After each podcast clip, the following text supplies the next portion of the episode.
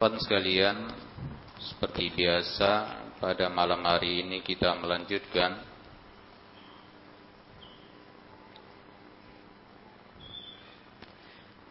penjelasan tentang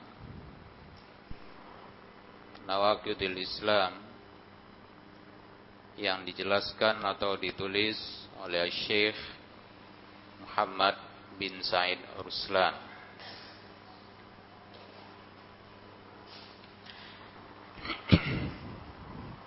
Kita telah sampai pada halaman 49 dari pembatal keislaman yang kedua yaitu menjadikan perantara dalam ibadah kepada Allah Subhanahu wa taala.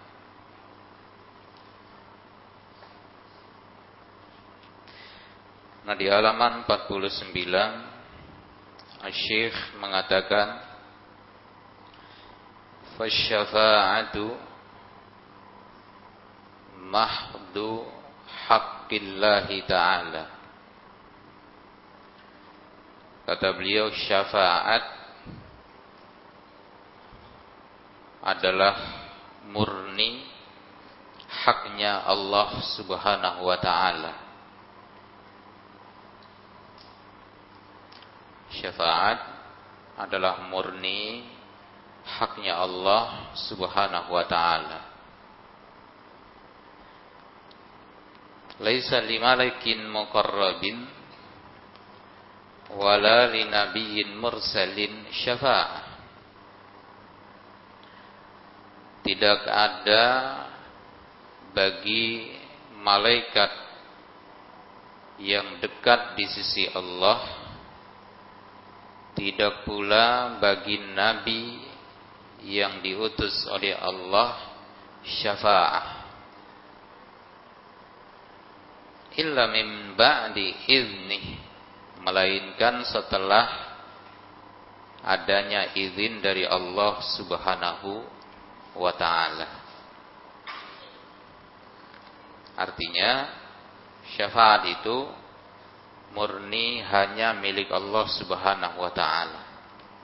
Malaikat sekalipun walaupun malaikat adalah makhluk yang dekat dengan Allah ya demikian pula nabi yang diutus oleh Allah Subhanahu wa taala mereka tidak bisa memberikan syafaat kecuali adanya izin dari Allah Subhanahu wa taala. Sebagaimana disebutkan dalam surah Al-Baqarah di ayat 255 yakni di ayat kursi. Allah Subhanahu wa taala mengatakan man dzalladzi yashfa'u indahu illa biiznihi Kata Allah tidak ada yang dapat memberi syafaat di sisi Allah melainkan dengan izin Allah. Wa qala ta'ala juga Allah Subhanahu wa taala berfirman di dalam surah Saba di ayat 23 Allah mengatakan wala tanfa'u syafa'atu 'indahu illa liman adzinalah. Dan tidak bermanfaat syafaat di sisi Allah kecuali untuk orang yang diberi izin untuknya. Dan juga Allah Subhanahu wa taala berfirman, wa qala ta'ala Kullillahi syafa'atu jami'a. Katakanlah syafaat seluruhnya hanya milik Allah. Surah Az-Zumar di ayat 44. Maka dalil-dalil ini jemaah yang dimuliakan oleh Allah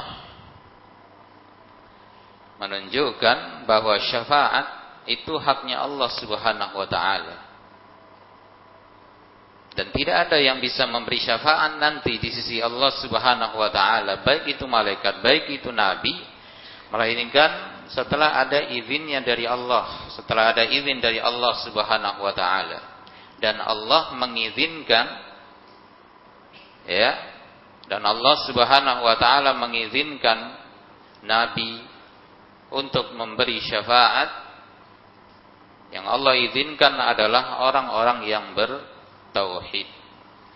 Sehingga alasan orang-orang musyrik yang menjadikan perantara dalam ibadah ya dan juga orang yang semisal dengan mereka menjadikan perantara dalam ibadah dengan alasan untuk mendekatkan diri di sisi Allah Subhanahu wa taala atau menjadikan perantara-perantara tersebut pemberi syafaat untuk mereka nanti di sisi Allah itu alasan yang sangat batil ya alasan yang sangat lemah Baik, karena syafaat itu tidak gampang untuk didapatkan. Syafaat itu haknya Allah Subhanahu wa taala, harus ada ridho dari Allah Subhanahu wa taala dan juga yang memberi yang diberikan syafaat itu juga orang-orang yang diridhoi oleh Allah Subhanahu wa taala. Yang ngasih syafaat itu orang yang diberi izin oleh Allah, yang menerima syafaat pun orang yang diridhoi oleh Allah Subhanahu wa taala. Musyrik tidak dapat syafaat. Nah, artinya kata beliau, ai huwa malikuha. Artinya Allah lah pemilik syafaat. Walaysa liman tutlam minhu syai'un minha. Wa innama tutlam mimman yamlikuha duna kulli ma siwah. Maka syafaat itu tidak bisa dicari, tidak bisa diperoleh ya dari orang yang memang tidak memilikinya. Dan sesungguhnya syafaat bisa diperoleh dari yang memilikinya. Tidak dari selain Allah Subhanahu wa taala. Lianna dzalika ibadah wa ta'alluh la yasluhu illa lillahi ta'ala. Tidak boleh syafaat diminta dari selain Allah Subhanahu wa taala karena syafaat adalah sebuah amal ibadah. Ya, meminta syafaat itu adalah ibadah yang tidak cocok kecuali hanya untuk Allah Subhanahu wa taala. Sehingga kata Syekh syafa'ah allati athbataha Allah wa rasuluh maka syafaat yang ditetapkan oleh Allah dan Rasulnya adalah ya syafa'atus sadirah adalah syafaat yang berasal an idnihi liman wahadahu berdasarkan izin dari Allah untuk orang yang mentauhidkan Allah. Ya. Dan juga wallati nafahallahu dan syafaat yang dinafikan oleh Allah hiya syafa'ah syirkiyah itu adalah syafaat yang syirik allati fi qulubil musyrikin al-muttakhidhina min dunillah syufa'a di hati orang-orang musyrikin yang mereka menjadikan dari selain Allah sebagai pemberi-pemberi syafaat.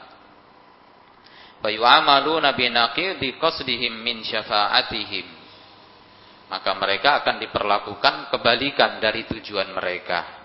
Mereka harap, mereka berharap dapat syafaat, tapi Allah perlakukan mereka kebalikannya, yaitu mereka tidak mendapatkan syafaat, malah sebaliknya wa yafuzu bihal muwahhidun yang beruntung dengannya, yang mendapatkan syafaat di sisi Allah nanti adalah orang-orang yang bertauhid.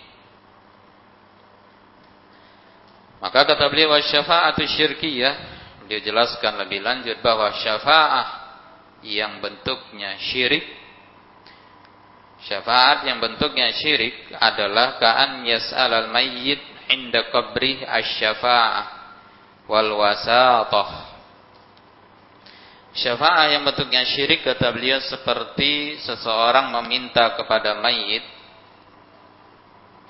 di sisi kuburnya dia minta syafaat dan dia minta sebagai perantara. Kalladhi yaqa minal qabriyin. Seperti yang terjadi pada orang-orang qabriyin atau kuburiyin. Yang mana mereka itu haitsuna yunaduna sahibal qabri. Yang mana mereka menyeru meminta kepada orang yang berada di dalam kubur. Mereka dengan uh, mengatakan ya ayyuhal wali wahai wali fulan isfa'alana inda rabbik berikan syafaat untuk kami di sisi Rabbmu.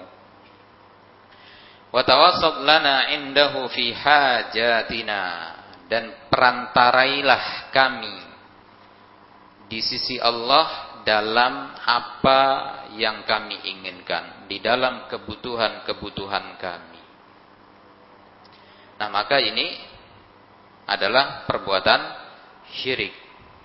Datang ke kubur seseorang ya, katakanlah seorang wali, dia datang ke kubur wali, dia minta kepada wali itu agar diberikan syafaat di sisi Allah atau e, menjadikan wali itu sebagai perantara ya, perantara untuknya di sisi Allah Subhanahu wa taala agar memberikan apa yang dia butuhkan. Ini adalah perbuatan syirik. Syafaat asyirkiyah. Nah.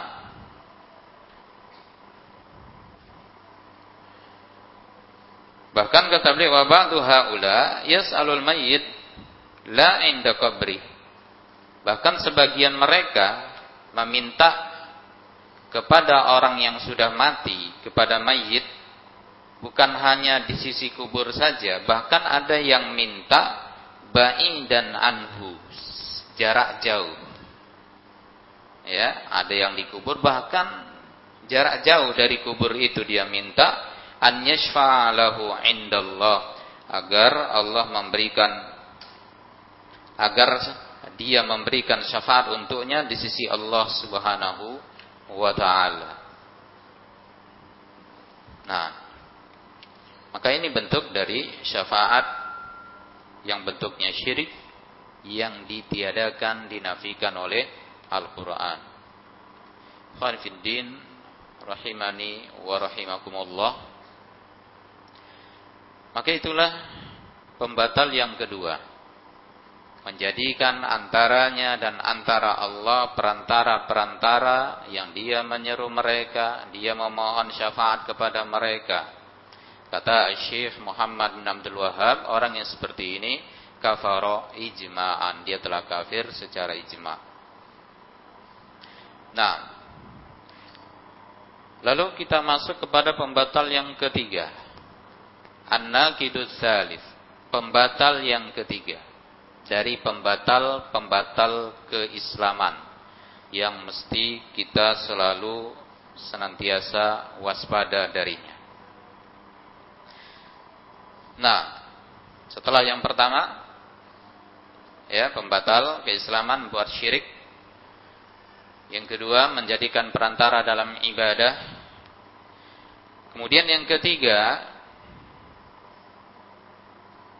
kata beliau al-thalith man lam yukaffir al-musyrikin au syakka fi kufrihim au sahhaha madhhabahum kafara. Kata beliau, barang siapa yang tidak mau mengkafirkan orang-orang musyrik atau dia ragu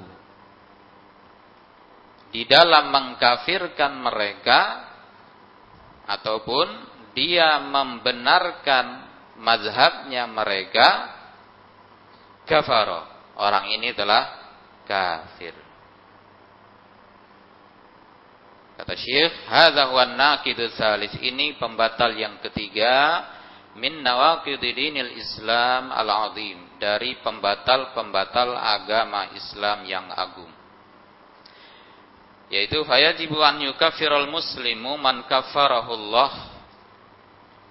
Kata beliau wajib bagi seorang muslim untuk mengkafirkan orang yang Allah kafirkan. Waman asyraka billahi azza wa jal dan juga orang yang berbuat syirik kepada Allah azza wa jalla. Dan juga wa an yatabarra'a minhu kama tabarra'a Ibrahim an abihi wa qaumi. Dan juga dia harus berlepas diri dari pelaku kesyirikan sebagaimana nabi kita Ibrahim telah berlepas diri dari ayahnya Azar dan juga dari kaumnya. Sebagaimana disebutkan dalam surah Zumar di ayat 26 hingga ayat 27 Allah mengatakan innani bara'un mimma ta'budun. Sesungguhnya aku berlepas diri dari apa saja yang kalian ibadahi. Illa alladhi fatarani kecuali zat yang telah menciptakanku fa innahu sayahdini. Sesungguhnya dia akan memberi hidayah kepadaku. Maka demikian jemaah yang dimuliakan oleh Allah, itulah pembatal yang ketiga yang harus kita waspadai ya bahwa seorang muslim itu seharusnya dia mengkafirkan orang yang telah dikafirkan oleh Allah tanpa ragu sedikit pun. Karena Allah Subhanahu wa taala telah mengkafirkan orang tersebut. Ya dia kafirkan orang kafir dia kafirkan orang-orang musyrik dan dia berlepas diri dari mereka. Nabi kita Ibrahim alaihi salam telah memberikan contoh tulila, tul, apa, suri tauladan yang sangat baik untuk kita. Bagaimana beliau berlepas diri dari ayahnya Azar dan juga dari kaumnya. Beliau meninggalkan mereka. Maka wakadzalika idza ma sahhaha madhhab al-kuffar al-mujrimin demikian pula kata beliau ketika seseorang membenarkan mazhabnya orang-orang kafir hadhihi asyad ini lebih parah lagi idza sahhaha madhhabahum apabila dia membenarkan pendapatnya mereka pemikiran orang-orang kafir Au qala fil ladzi ya'malunahu nazar atau dia mengatakan bahwa pada apa yang dilakukan oleh orang-orang kafir itu ada nazar, ada perlu diperhatikan kembali. Ya, perlu diteliti lagi. Hadza innama huwa ittikhadhu wasail wa huwa muhtamal. Ini sesungguhnya hanya mengambil prasarana saja dan ini mengandung berbagai kemungkinan-kemungkinan. Aw yaqul haula'il kuffar juhal waqa'u fi hadza an jahlin atau dia mengatakan orang-orang kafir itu, orang kafir itu mereka terjatuh dalam perbuatan ini karena kebodohan. Waidafi anhum dan dia berusaha untuk membela mereka. Fahada asyaddu kufran minhum, maka ini kekafiran yang lebih besar lagi. Kenapa? Li'annahu sahahal kufra karena dia telah membenarkan kekafiran, atau sahaha syirka atau dia membenarkan kesyirikan au syakka fi dinil Islam al-azim atau dia telah ragu pada agama Islam. Nah, maka ini perkara yang sangat berbahaya jemaah yang dimuliakan oleh Allah. Kenapa demikian? Karena dia telah menentang menyelisihi apa yang telah ditentukan oleh Allah Subhanahu wa taala. Nah, Allah mengatakan kafir, tapi dia nggak berani mengatakan kafir. Atau paling tidak dia ragu Berarti dia menentang apa yang telah dinyatakan oleh Allah Subhanahu wa taala, apa yang dinyatakan oleh Rasulullah sallallahu alaihi wa alihi wasallam. Nah, maka seorang muslim harus berani mengkafirkan orang-orang yang telah dikafirkan oleh Allah Subhanahu wa taala. Nah, ya, mengkafirkan orang-orang musyrikin, mengkafirkan orang-orang kafir. Tapi inilah harusnya seorang muslim mengkafirkan mereka tanpa ada keraguan sedikit pun. Nah, tetapi kalau dia mengatakan atau dia meragukan kekafiran mereka, tentu nanti ini adalah perkara yang sangat penting. Kalau ini tidak berlaku, maka nanti akan banyak perkara-perkara atau hukum-hukum dalam Islam yang terkait dengan orang-orang kafir tidak dapat ter terlaksana. Seperti masalah warisannya orang kafir tidak mewarisi dan sebaliknya. Ya, muslim dengan ga, kafir. Demikian pula dalam masalah-masalah yang lainnya tentang keadaan seorang muslim terhadap orang-orang kafir, maka akan banyak nanti hal-hal yang tidak berlaku ketika dia tidak berani mengkafirkan orang-orang musyrikin atau orang-orang yang telah dikafirkan oleh Allah Subhanahu wa taala. Dalilnya kata beliau qala subhanahu Allah Subhanahu wa taala mengatakan innal ladzina kafaru min ahlil kitab wal musyrikin fi nari jahannam khalidina fiha ulaika hum syarrul bariyah. Sesungguhnya orang-orang yang kafir dari kalangan ahlul kitab dan orang-orang musyrikin kata Allah mereka itu fi nari jahannam mereka berada dalam neraka jahannam khalidina fiha mereka kekal di dalamnya Ulaika hum syarrul bariyah. Mereka itu sejelek-jelek makhluk. Wa ahlul kitab kata beliau yang Allah katakan di sini ahlul kitab orang-orang yang telah kafir yaitu ahlul kitab siapa mereka? Mereka al-yahud wan nasara. Yahudi dan nasara. Wal musyrikun orang-orang musyrikun yaitu orang-orang yang mengibadahi bersama Allah sesembahan-sesembahan yang selainnya. Maka demikian jemaah yang muliakan oleh Allah Subhanahu wa taala. Maka jangan pernah ya meragukan tentang kafirnya mereka. Sungguh terkadang sangat menyedihkan ya ketika kita mendapati ada orang-orang yang masih ragu tentang orang-orang yang sudah jelas-jelas dikafirkan oleh Allah Subhanahu wa taala, jelas-jelas dikafirkan oleh agamanya sendiri tapi dia malah ragu sebagai seorang muslim. Nah, malah ragu. Malah mulai membenarkan pendapat-pendapat orang-orang kafir. Taib. Alhamdulillah, min dzalik.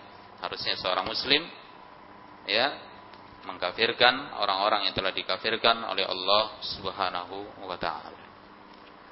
Maka demikian dulu untuk malam hari ini. Wallahu alam bissawab. Subhanakallahumma bihamdik asyhadu an la ilaha illa anta astaghfiruka wa atubu ilaik. Walhamdulillahirabbil alamin.